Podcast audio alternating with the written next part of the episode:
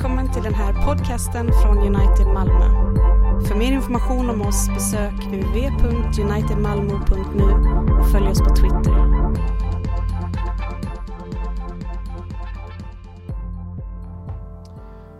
Låt oss lyssna till dagens predikotext som kommer från Andra Korintierbrevet kapitel 12, vers 1-10. Jag måste berömma mig, om än till ingen nytta, och jag kommer då till syner och uppenbarelser från Herren. Jag vet om en man i Kristus som för 14 år sedan blev uppryckt ända till tredje himlen. Och han var i kroppen och utanför kroppen vet jag inte. Gud, Gud vet det. Jag vet att den mannen, om han var i kroppen eller utanför kroppen, det vet jag inte. Gud vet det. Att han blev uppryckt till paradiset och hörde ord som ingen människa kan uttala eller få uttala. Av den mannen vill jag berömma mig, men av mig själv vill jag inte berömma utom av min svaghet. Om jag ville berömma mig skulle jag ändå inte vara en dåre. Jag skulle ju bara säga sanningen. Men jag avstår för att ingen ska tänka högre tankar om mig än man gör när man ser och hör mig. Och för att jag inte ska bli högmodig på grund av dessa utomordentligt höga uppenbarelser.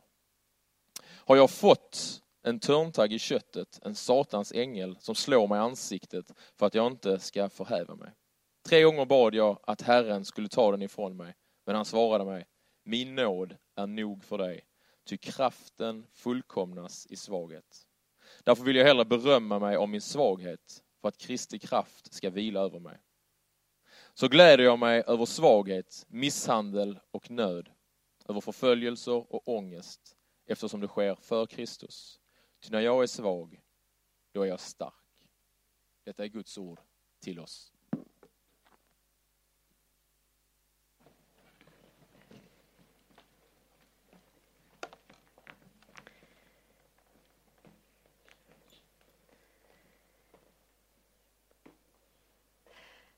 Jag har under det senaste året som ligger bakom haft förmånen att få representera United en del ute i andra kyrkor och få predika i lite olika sammanhang runt om i vårt land. Och eh, bland annat på en del ungdomsmöten. Och där har det blivit så att eh, innan predikan så har nästan varje tillfälle tagits fram i någon sättning och någon liten kort intervju så man ska få veta vem är du, var kommer du ifrån, vad gör du och så vidare. Och sen verkar det som att det har blivit någon slags trend av att man ska avsluta alla sådana intervjuer med fem snabba frågor.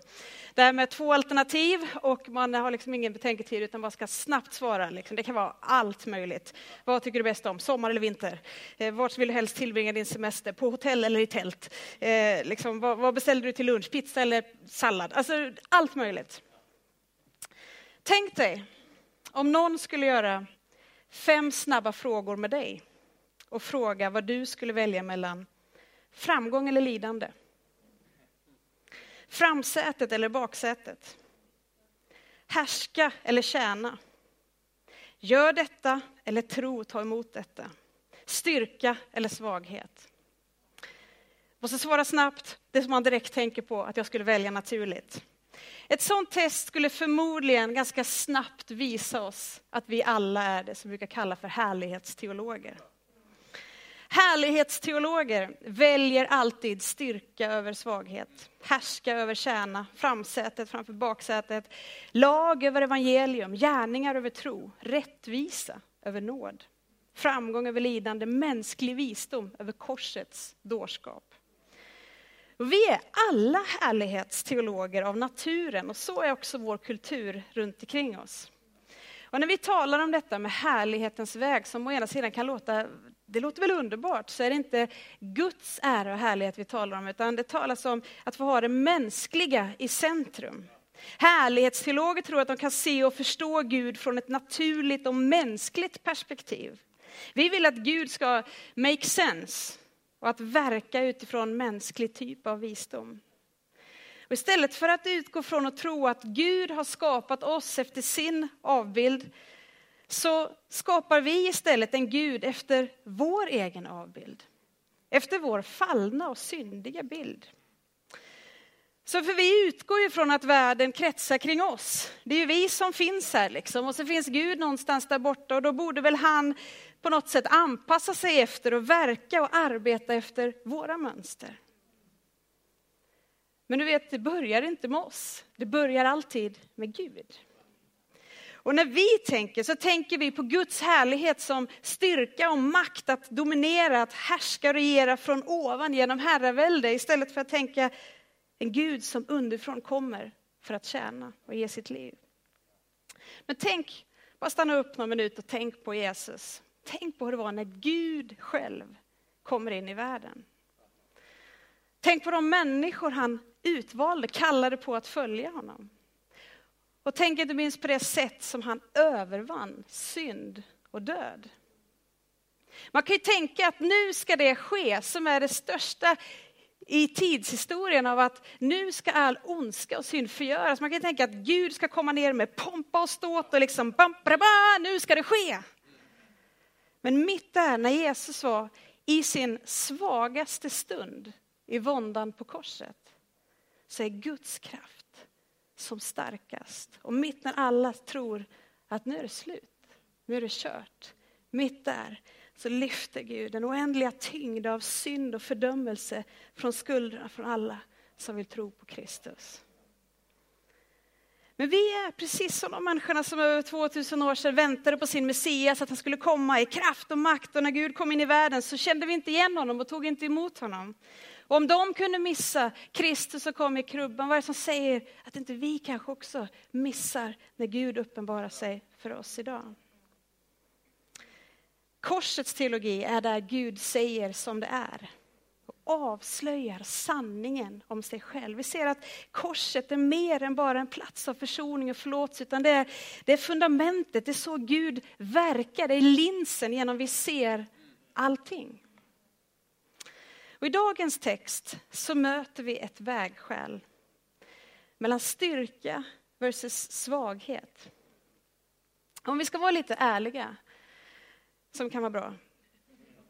Så tror jag att vi alla kämpar med olika typer av motgångar och lever i olika former av svaghet. Men vi jobbar ganska hårt för att antingen dölja det eller bli av med det. För vi vill vara starka, vi vill vara friska och vi vill vara framgångsrika. Det är vårt naturliga sätt att möta livet. Men I dagens text säger oss att Guds kraft fullkomnas i svaghet. Och vi kommer att se att Paulus fråga var inte så mycket vad för gott kan jag göra för Kristus, utan snarare vad för gott kan Kristus göra för världen genom en sån som mig. Det var inte hur mycket kraft kan jag visa Jesus, men hur mycket kraft kan Jesus visa genom min svaghet.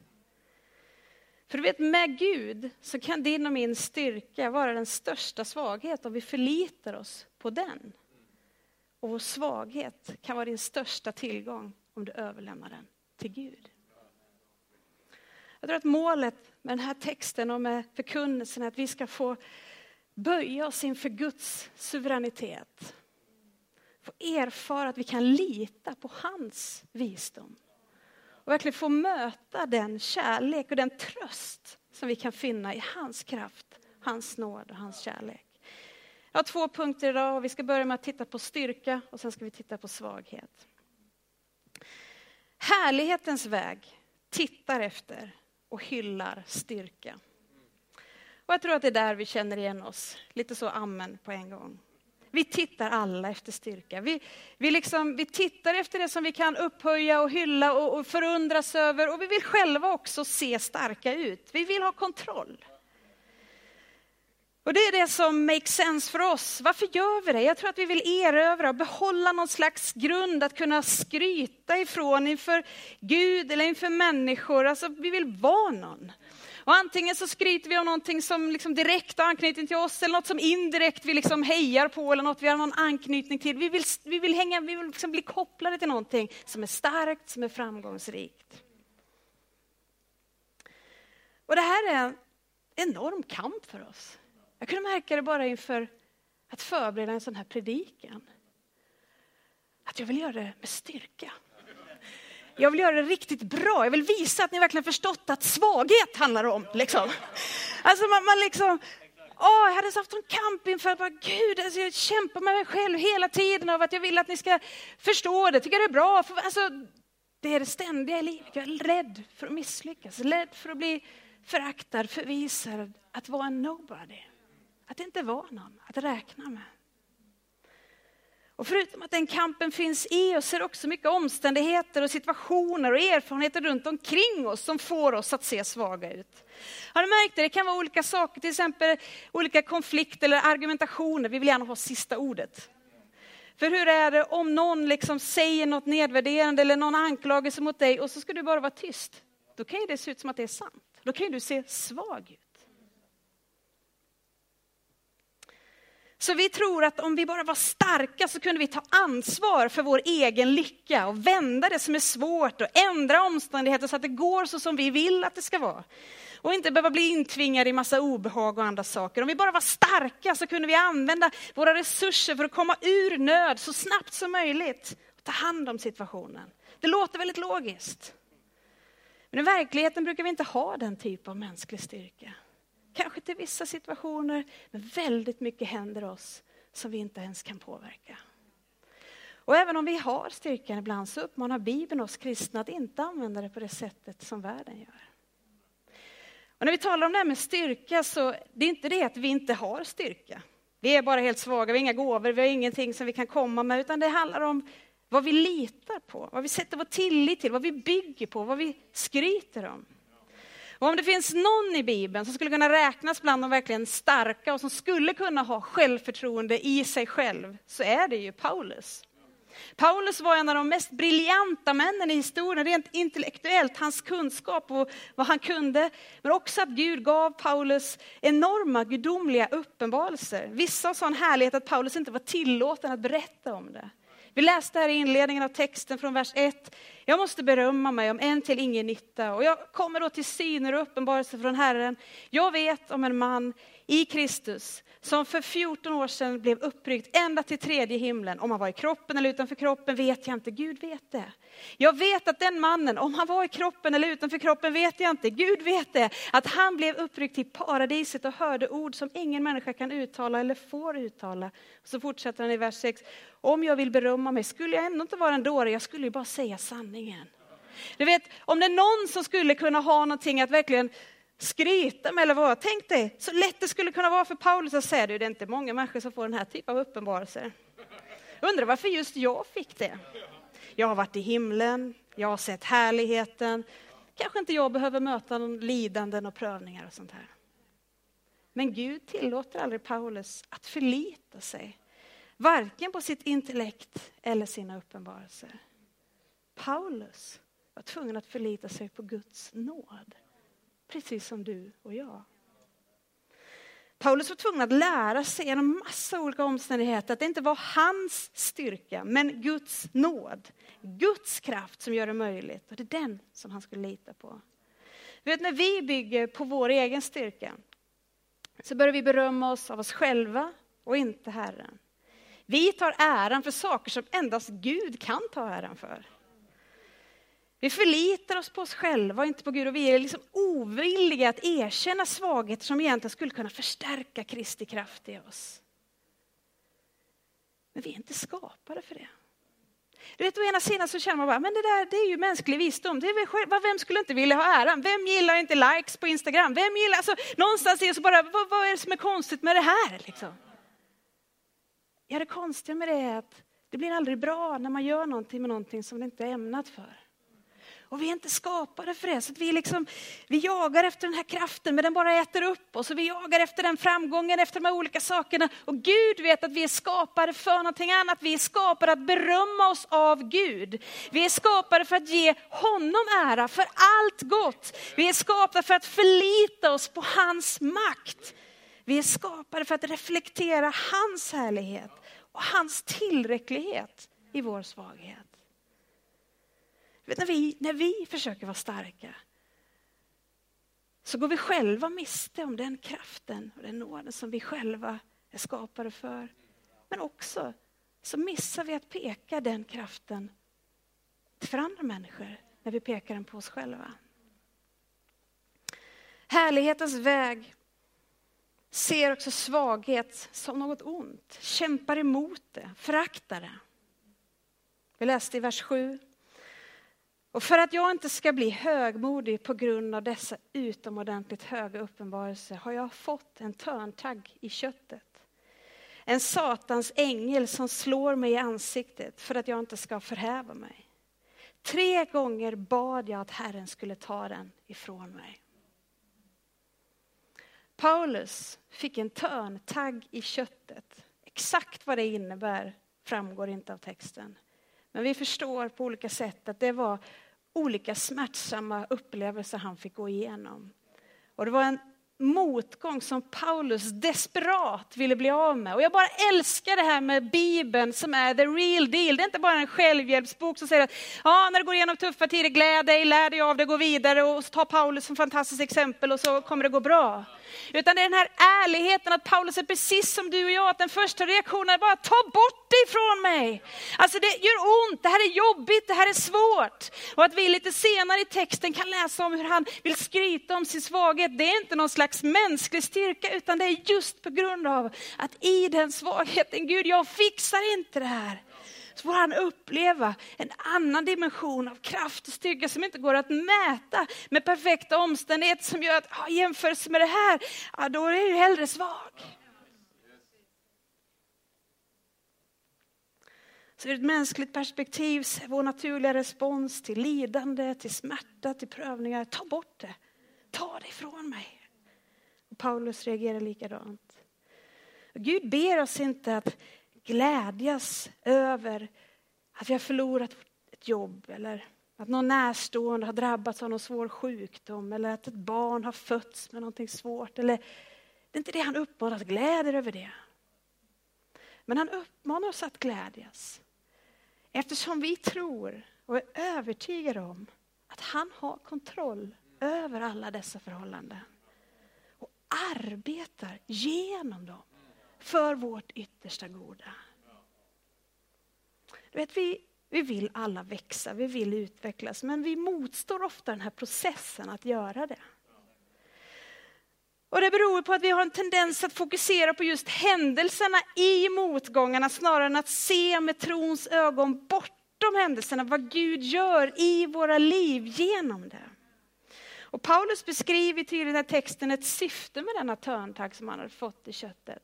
För han kopplar det just till de här stora uppenbarelserna, händelserna som mycket väl skulle kunna blåsta upp honom till att förlita sig på vad han har varit med om och vad han har. Att en törntagg i köttet som förhindrar stolthet. Att han inte ska bli högmodig, att han inte ska upphöja sig själv, att han inte liksom framöver heller ska behöva förlita sig på sin styrka, egen styrka. Satan, står det, är den som orsakar smärtan. Men Gud är alltid suverän över Satan. Gud använder Satans onda avsikter för sina heliga avsyften. I det här fallet för att få bort stolthet ur Paulus liv. För du ser här, liksom, det går inte tydligt att säga, men är det Satan, är det Gud? Det ser ju liksom att när Paulus ber att ta bort det, så svarar Herren, nej, Så det är inte det att liksom hela syftet med det nya livet är att nu ska Gud bara röja som en curlingförälder, bort allt ont, allting liksom, kom nu mitt lilla barn. Liksom. Utan det är mitt i det så säger det som att Gud säger just nu, jag är ansvarig här, jag vet vad som pågår här och jag kommer att vända allt det som är smärtsamt just nu här till ditt goda, till min ära. För han säger i vers 9, men han svarade mig, min nåd är nog för dig. Ty kraften fullkomnas i svaghet. Jag tror att vi alla längtar efter den kraften. Den fullkomnade kraften. Men vart söker vi efter den? Vart söker vi efter den? Naturligt så tittar vi efter styrka och föraktar svaghet. Medan Paulus texter till kraften fullkomnas i svaghet. Så låt oss titta på det med svaghet. Korsets väg förstår och accepterar att det är i svagheten som Gud visar sin enorma styrka och härlighet när vi helt och fullt tvingas förlita oss på honom. Och missförstå mig inte här. Det råder ingen tvekan om att motgångar, lidanden, svaghet, det är tufft. Det är svårt. Ofta så bara kommer in och tar oss på sängen, vi är inte alls beredda, det händer saker oväntat, det bara slår till där vi är mest sårbara och när vi inte alls är beredda på det. Och smärtan i sig är inget gott. Gud gläder sig inte över din svaghet. Men Gud kan vända det till något fantastiskt. För oss verkar det ofta helt meningslöst, irrationellt. Om vi bara liksom, varför alla de här frågorna som vi ställer oss. Och jag vill bara säga, försök inte ens att ge dig på att tyda det, utan du kan bara ha en, en övertygelse, en trygghet i att det som sker, det vilar i någons händer som har större koll på mitt liv. Och jag vet att han kommer att vända allting som jag är till mitt goda och till hans ära. Det är vårt hopp. Det, är det blir så dumt vet, när vi ska hålla på, ja det är för att och det är för att. Vi vet inte det. Men det vi vet, det är att det finns en Gud som ger oss kraft genom allt och som också kommer samverka allting till det bästa. Och det är nästan som att Gud genom motgångar och olika saker vi stöter på söker upp oss. Genom synden som har kommit in i världen så vi längtar ju efter kraft, efter härlighet. Problemet är bara att vi söker det överallt annat än hos Gud. Och vi går vilse. Alltså Gud, det är jättebra att du finns. Du kan ju hjälpa mig. Alltså, jag ska nu ha framgång här, jag ska få ordning på det här, jag ska bli grym här och du är ju kanon. Du kan ju vara min betjänt, du kan vara mitt medel, du kan vara mitt redskap att uppnå. Och Gud är den största tjänaren. Men han är också den som har skapat oss, som vet hur vi är konstruerade, som vet vad vi är skapade för. Och då vet han också att så länge vi bara glider fram så har vi så lätt att bara tappa bort det och bara tycka att vi är kungen i djungeln. Vi är liksom, jag har kämpat så mycket med det i mitt liv, för jag, mycket i mitt liv har gått väldigt bra. Jag gick ut skolan med bra betyg, jag har liksom hållit på med många olika saker och lyckats ganska bra och trott att det är där man kommer någonstans i livet. Ibland så tror vi att det är människor som har haft det tufft, som, som har haft det allra svårast. Jag vill inte ränga in utan jag tror bara att vi alla kämpar med saker för att vi kämpar alla samma kamp om att vinna livet, om att vinna styrkan, om att vinna vad det handlar om oavsett om det är utifrån styrka eller svaghet. Antingen att vi har en styrka eller att vi har brist på den och jagar efter den för jag borde vara mer sån, jag kan inte se ut så här, varför inte jag de vännerna, varför får jag inte det jobbet, varför kommer jag inte in på den utbildningen, varför är inte jag gift? Och mitt i allt det, så är det nästan som att Gud genom motgång och olika saker söker upp oss. Där vi bara får kapitulera och säga, Gud, hjälp mig, möt mig. Som att han för oss in i en djupare relation med honom. Och så upptäcker vi att vi börjar söka Gud. Men det är egentligen för att han söker oss. För att han är den stora älskade fadern som vet precis vad vi behöver och vad vi längtar efter. Men med det perspektivet så kan vi bara se att om vi när vi går igenom olika saker kan ha med det perspektivet. Det är det jag menar med en lins som vi ser saker genom. För det är inte så att vi kommer leva ett liv utan motgångar, antingen utanför oss eller inom oss, utan det är det som vi möter hela tiden. Men om istället för att fightas mot dem, jag tänker Gud varför ska jag behöva gå igenom det här och vad håller du på med nu och dra oss undan? Istället bara se att det är här jag kan få kapitulera. Och börja se, Gud jag Ta bort ifrån mig, hjälp mig. Och Guds kraft är där. kan vi börja gå från att känna till om Gud till att känna Gud själv på ett personligt och intimt sätt. Jag har själv erfarit det mycket i mitt liv de senaste åren. Som jag sa så har jag ofta tänkt och trott att Gud har nog mest användning för mig när jag är stark. Gud, jag ska vara en sån som du kan räkna med. Jag ska vara en sån som sitter långt fram. Jag ska vara en sån som, som är med så att liksom, fast egentligen inte för någon annans skull än för att jag vill vara någon. Liksom. För att jag ska känna att jag har ett värde. Men mitt i det så börjar jag upp, sakta men säkert upptäcka att jag, jag, jag klarar ju det här ganska bra utan Gud i de liksom, grejer som jag tycker att jag får till. Jag behöver inte ens honom och jag vill gärna att andra ska se. Jag har säkert fått många av er att tro att jag, bara, åh, jag är så stark, jag är så disciplinerad och jag är så grym. Så man kommer i kappen. När man bara kommer här till slutet av sig själv. Antingen skulle jag säga, för jag tror att Gud verkar genom, genom prövningar, genom olika saker. Antingen genom kriser på utsidan eller kriser som Gud skapar genom sitt eget ord.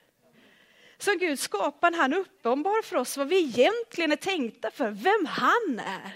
Och vilket liv, vilket hopp vi har i honom. Och så börjar jag se liksom, ja men vem gör jag det här för? Och vad är det, vem försöker jag lura? Och vad är det jag liksom, så bara kommer det ikapp en och man, man märker, jag är inte alls så stark som jag tror. Att det, för det är egentligen inte tron på, utan det är illusionen om styrka som man tror att man har eller borde ha som är en stora fight. Och det är jobbigt, det är smärtsamt. Genom förkunnelsen de sista åren så har jag bara fått komma till slut av mig själv och bara se att Gud, jag vet inte ens om jag gör det här för dig. Jag, jag vet inte ens om jag känner dig. Vi gör så mycket saker i våra egna namn, i kyrkans namn, i allt möjligt. Men mitt i det jobbiga, smärtsamma, som man känns helt patetisk. Man säger hej, ja, ja visst pastor eller något, men jag vet inte riktigt hur det ska gå till det här. Bara, ja, men läser Bibeln för att ha något bra att ge till någon annan. Eller för att bara få oss med dig Gud, för att få möta din nåd, din kraft, din kärlek. Börjar upptäcka att faktum är, om jag ska vara helt ärlig Gud, jag är svag. Jag fixar inte det här livet. Jag fixar och lurar en del av de här, jag har hållit på med några år. Men när det gäller det uppdrag som du kallar oss till, du kallar oss att dra ner din härlighet, din nåd, din ära till människor som är utan hopp. Och då bara ser Gud, jag kan inte ens förvandla mig själv. Men jag försöker lura. Varför försöker vi vara starka? Varför försöker vi hålla uppe någonting? Det är bara din kraft. Det är din nåd. Ofta är det så att, så har det varit för mig i alla fall, att vi har vissa områden vi kan vara lite svaga. Alla har ju sett mig gråta förr, så det är inget nytt.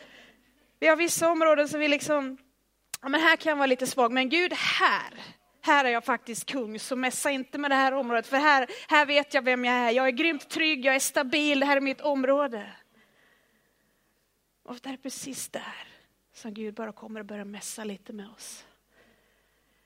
Kanske du bara kämpar med liksom din status i din business, i olika saker. Vad ska hända med dina barn om det inte blir det som du har tänkt? Vad ska hända med olika saker som bara, här ska jag minsann ha kontroll. Och så är det som att någonting skakar om den här världen. Och bara, vem är jag nu? Och så börjar jag upptäcka, just det var här jag hade all min tillförsikt, all min identitet, allting.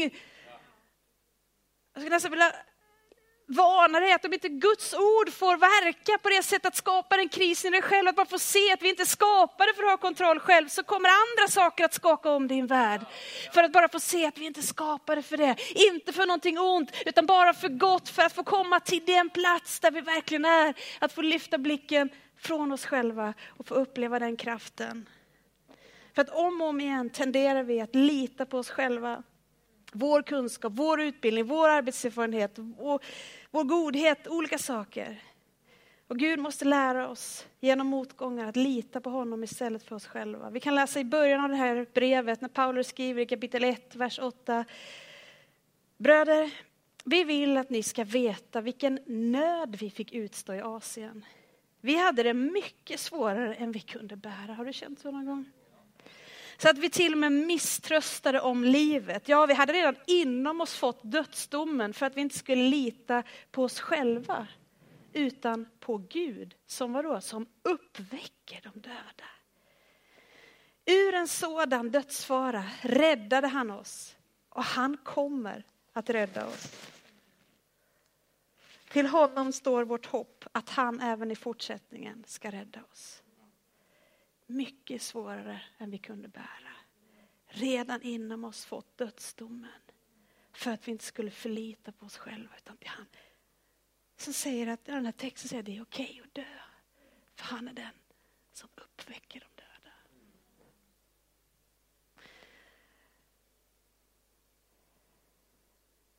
Du kan vara den mest kompetenta personen inom ditt område. Begåvad, stark. Men du kan vara säker på att om Gud ska använda dig så kommer han att få dig tydligt att känna ditt beroende av honom. För det är så Gud verkar. Det här är hans verk. Det här handlar inte om mänsklig styrka som ska ut i världen. Det handlar om att hans nåd, hans kraft, hans kärlek, hans hopp ska få beröra dig och mig och ska få beröra Malmö. Om Gud kommer att använda dig och mig kommer han att tillåta motgångar i våra liv. Så att vi också verkligen kan få se vårt beroende av honom. Korsets väg ser svaghet som något gott och aktar sig för egen styrka och skryter istället med svaghet. Vi läste i vers 9, därför nu kommer det därför. Därför vill jag hellre berömma mig. Nu har han både uttryckt att han har liksom ta bort det och han har fått uppleva att min nåd är nog. Därför vill jag hellre berömma mig av min svaghet. För att Kristi kraft ska vila över mig så gläder jag mig över svaghet, misshandel och nöd, över förföljelse och ångest eftersom det sker för Kristus. Ty när jag är svag, då är jag stark. Paulus gick igenom svårigheter efter svårigheter. Men när Gud mitt i hans smärta och svaghet visade Paulus sin nåd, sin kraft, så var det som att ingenting annat var viktigt längre. Det är som att han kunde förlora allt här i världen eftersom han ändå inte kommer förlora glädjen och den verkliga skatten i livet. Nämligen att Kristus är allt. You're all to us. Om vi bara läser, jag är alldeles strax färdig, i slutet av kapitlet innan den här texten så kan vi också se vad Paulus har gått igenom. Från vers 21. Men vad andra vågar att skryta med, jag talar som en dåre, det vågar jag också. Är de hebreer? Det är jag också. Är de israeliter? Det är jag också. Är de Abrahams barn? Det är jag också. Är de Kristi tjänare? Det är jag ännu mer. För att nu tala likt en dåre. Jag har arbetat mer suttit i fängelse mer, fått hugg och slag i överflöd och ofta svävat i livsfara. Av judarna har jag fem gånger fått 40 gisselslag så när som på ett. Tre gånger har jag blivit piskad med spö. En gång har jag blivit stenad. Tre gånger har jag lidit skeppsbrott. Ett helt dygn låg jag i det djupa vattnet. Jag har ofta varit på resor, utstått faror på floder, faror bland rövare, faror från landsmän, faror från hedningar, faror i städer, i öknar och på hav, faror bland falska bröder. Allt under arbete och slit ofta under vaknätter, under hunger och törst, ofta utan mat, frusen och naken. Och lyssna, förutom allt detta har jag den dagliga uppgiften, omsorgen om alla församlingarna. Vem är svag utan att jag är svag? Vem kommer på fall utan att jag blir upptänd av iver? Om jag måste berömma mig vill jag berömma mig av min svaghet. Jag vet inte med vilka glasögon du läser Bibeln, men jag har ibland nästan missat sådana här texter. Alltså liksom, ja, då går vi vidare till när det finns lite kraft och härlighet. De missar hela poängen i kring hur, om Gud kunde tillåta att en av hans nyckelpersoner fick bara gå igenom grej efter grej för att hans evangelium bara skulle gå fram och inte förlita sig på egen styrka utan på hand. Som är vårt hopp, vår kraft, vårt allt. Då skäms jag ju när jag går och gnäller över små saker som jag möter i min vardag, när jag liksom inte ens kan komma i närheten av att vara utan mat, av att vara ut för fara för mitt liv. Fokuset här är inte lidande. Poängen är frihet. Poängen är att hitta vårt hopp och vår tillfredsställelse i Gud. Ingenting annat i den här världen kommer någonsin tillfredsställa oss. Det är därför Gud vill sätta oss så fria, så att om vi till och med behöver vara utan mat eller vara utsatta för vårt liv, så är det inte där som liv, det är inte vad livet handlar om. Utan det är som att vi ibland, liksom, det är det jag kan känna när jag har gjort saker så rätt och så bra, så det är som att komma till skolan, man, man har jobbat jättelänge med en lång uppsats och så kommer man liksom så här med sin engelska uppsats och bara, ja men då har du fått en uppgift i matte. Så bara, Jaha, man har jobbat med helt fel grej. Liksom. Alltså det är som att vi är helt upptagna av någonting helt annat än vad livet handlar om. När Gud bara vill genom sitt ord öppna våra ögon och se att ni tror att det är det, att det är det, att det är styrka, att det är framgång. Men det är ingenting av det, det handlar inte om det, styrka eller svaghet eller egentligen överhuvudtaget. Det handlar om att få känna Kristus, att få uppleva den kraften som finns hos Gud. Och då är det precis som att Gud behöver ta oss gång på gång till slutet av oss själva för att få smaka på den ljuvligheten som finns i det. Korsets teologi är där vi förstår verklig frihet. Hur Gud verkar och dealar med den här världen. Guds syfte i våra svagheter, vi kan ta upp lovsångsteamet tills jag går mot avslutning. Guds syfte i våra svagheter är att förhärliga den nåden och kraften i hans son Jesus Kristus. Och du vet för oss som församling som är satta i den här staden så blir Guds plan också att göra oss till ett skyltfönster för Jesu kraft. Men inte möjligtvis på det sättet som den här kulturen, den här världen vi är tänker, genom att röja bort allting och se att Gud, så fort vi ber så tar han bort allting, utan genom den kraft som han bara uppenbarar mitt i vår svaghet. Kraft att uthärda, kraft att kunna glädjas i hopplösa situationer. Gud har mer nytta av vår svaghet än vår styrka. Vår styrka är ofta hans rival, vår svaghet blir hans tjänare som på något sätt drar fram hans resurser och visar fram hans härlighet. Jag har ofta tänkt så här att Gud kan använda oss trots våra svagheter. Det är lite så vi talar till varandra, ja men vi har alla saker vi kämpar med, men Gud kan använda oss trots våra svagheter. Men jag skulle vilja säga så här, Gud kan inte använda oss förrän vi är svaga. Det är inte så att vi, det hade varit det bästa om ni var lite starkare, men jag kan använda er trots att ni är lite svaga. Utan jag kan inte använda er förrän ni är svaga, för det är Guds härlighet och kraft som ska bara få tränga in i ditt och mitt liv och som ska få lysa fram i den här staden. Gud har alltid gjort allting ur ingenting. Du kan se det genom hela Bibeln. Hur det börjar med skapelsen och hur Gud ska resa upp ett folk och hur han kallar person efter person. Och vi kan lätt ibland tänka om liksom vilka fantastiska hjältar de var. Men faktum är att Gud har alltid varit dragits till det som är tomhet, till det som är svaghet, till det som är hopplöst, omöjliga uppdrag. Där har Gud klivit in. Det finns två möjliga responser på Kristi död, på korset för våra synder. Vi kan betrakta det som dårskap och så fortsätter vi med vår självrättfärdighet, vårt uppdrag att förverkliga oss själva, vår egen stolthet. Eller så kan vi bemöta det som Guds visdom och dö med Kristus. Det finns bara en väg som leder till liv. Gud kommer att stärka oss. Att bemöta det som hör den här världen till på ett sätt som drar oss närmare Kristus. Så att vi kan få mer av Kristus, så att vi kan få njuta ännu mer av honom genom det sätt som vi bemöter saker som sker runt omkring oss. Jesus säger till dig idag, min nåd är nog för dig. Jag vet inte vad du går igenom just nu. Min, hans nåd är nog för dig. Till kraften fullkomnas i svagheten. Ska vi be tillsammans?